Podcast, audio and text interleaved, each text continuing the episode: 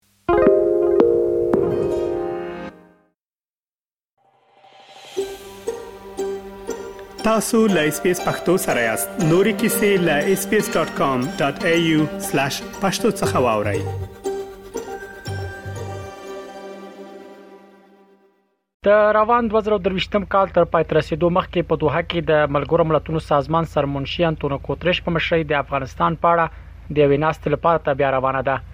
دا ناسته د تېرې هغې په تعقیب جوړېږي چې په کې به د افغانستان وضعیت په هر اړخیزه توګه وڅېړل شي.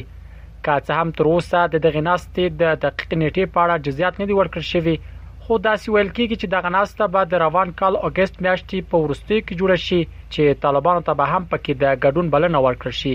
د افغانستان په اړه د ملګرو ملتونو سازمان په مشرۍ دوحه کې تیره ناست په می میاشت کې د شلو هیوادونو استازو په حضور کې ترسره شوه چې د افغانستان پر روان وضعیت اندیښنه وښودل شوه او د بشري حقونو، له ترهګرۍ سره د مبارزې او د نشه یي توکو د قاچاق د مخنیوي په برخه کې د نړیوالې ټولنې پر همغږې تګلارې ټینګار شوی و. هغه مهال د ملګرو ملتونو سازمان انتوني کوترش د افغانستان په تړاو د یوې بلې غونډې جوړېدو خبر ورکړی و. که څه هم د افغانستان په اړه دوحه کې د ملګرو ملتونو سازمان په کوربتوب د راتلونکي ناستې د اجنډا په اړه تر اوسه څه نه دي ویل شوي،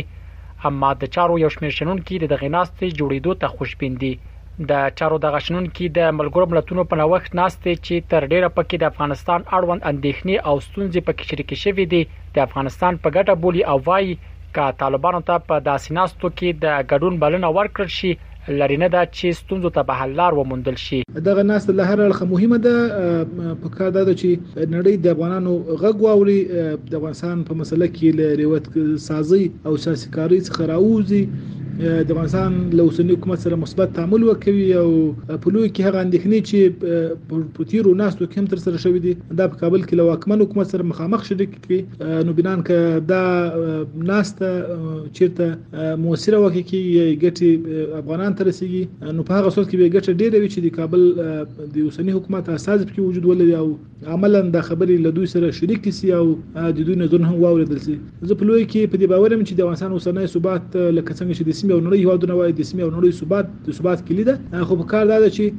د سیاسي مسلو څخه پرته د افغانستان قضیه ته کتنه وشي او په دغه اساس باندې د افغانستان له ملت سره او دولت سره تفاهم او تعامل ته ورسیږي زه فکر کوم هر غونډه چې د افغانستان په تړاو نیول کیږي دا به د افغانستان لپاره ډیر ښه زیری وي او بیا په خاص توګه کله چې ملګري ملتونو سازمان غونډه نیسي دا په دې معنی ده چې افغانستان اوس هم د پام وړ هیواد دی نړۍ لپاره او بیا په خاص توګه ملګري ملتونو سازمان لپاره او ملګري ملتونو سازمان او نړیوال اوس نه غواړي چې په افغانستان کې بیا داسې یو حالت راشي چې بالاخره نړۍ ورسره بیا په تکلیف کې وي نو زه فکر کوم چې دغه غونډه به هم ډیره ښه وي د دې لپاره یو سل نور غونډونه به متفاوت وي چې یو څه د هیوادونو لیدلوري هم یو څه بدلون کړی دی مثلا تاسو جو بایډن خبرې باوریدلې چې جو بایډن ویلي چې اوس القاعده په افغانستان کې نشته دا او ډیر ځینې مثبت ټکو ته اشاره وکړه یعنی په دې معنی چې غواړي طالبان سره یو تعامل ته ورسیږي نو دا د دې ښکارندوی کوي چې دا غونډه به پایلې به ښې وي او بله مهمه مسله دا ده که په دغه غونډه کې طالبانو اسلامي امارت یو استازي ته د طالبانو یو استازي ته ګډون ورکوي چې ګډون پکې وکړي دا به لا ښه وي د دې لپاره چې حداقل دوی په دې وتوانیږي چې مخامخ طالبانو ته کومه اندېښنه چې لري مخامخ یې ورته یاده ووایي او طالبان هم مخامخ ځواب ورکړي تر څو دغه مسله حل شي او که حل کیږي نه حداقل یو یو تعامل ته ورسیږي یو یو د حل لارې ورته پیدا شي په ورته وخت کې پخوانی افغان ډیپلوماټ او د چارو شنونکی عزیز معارج بیا د افغانستان په تړاو دوحه کې د ملګرو ملتونو په نوښت جوړیدونکې ناسته برخلیک ټاکونکې بولي او په خبره یې په دغه ناسته کې به پر طالبانو د دوحې پخوانی تړون بشپړ عملي کیدو ترڅنګ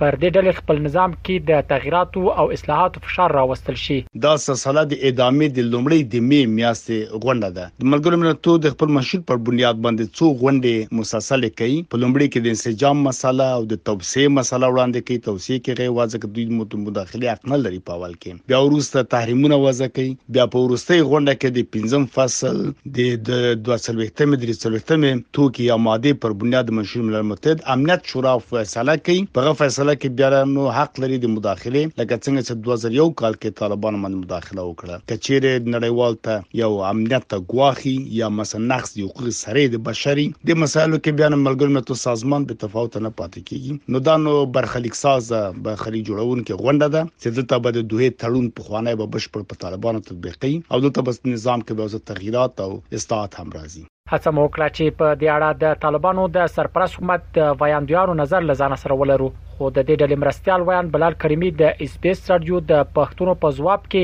د دې ناستې د جوړېدو په اړه څرګندونې مخکې له وخته وبللې او زیاته کړه چې په دې اړه به په خپل وخت کې نظر څرګند کړي پر افغانستان د طالبانو د بیا واکمنېدو دادی دوه کاله په پوره کېدو دي، خو لا هم د نړۍ هېڅ یو هېواد د طالبانو حکومت په رسمیت نه دی پېژندلی. د دې ترڅنګ د معلوماتو پر اساس له هغه وخت را په دې خوا چې طالبان په افغانستان کې واک ته رسېدلي، د سیمې په کچه د افغانستان په اړه له دېرسو زیاتې داسې غونډې ترسره شوي چې په کې د افغانستان پر مهمو موضوعاتو خبرې شوې دي، خو په ډېری هغو کې د طالبانو استازیو ته بلنه نه ورکول کېږي. د ښځو کار، انجونو زده کړې، بندیزونو پرېکړه، ټولګډونه حکومت،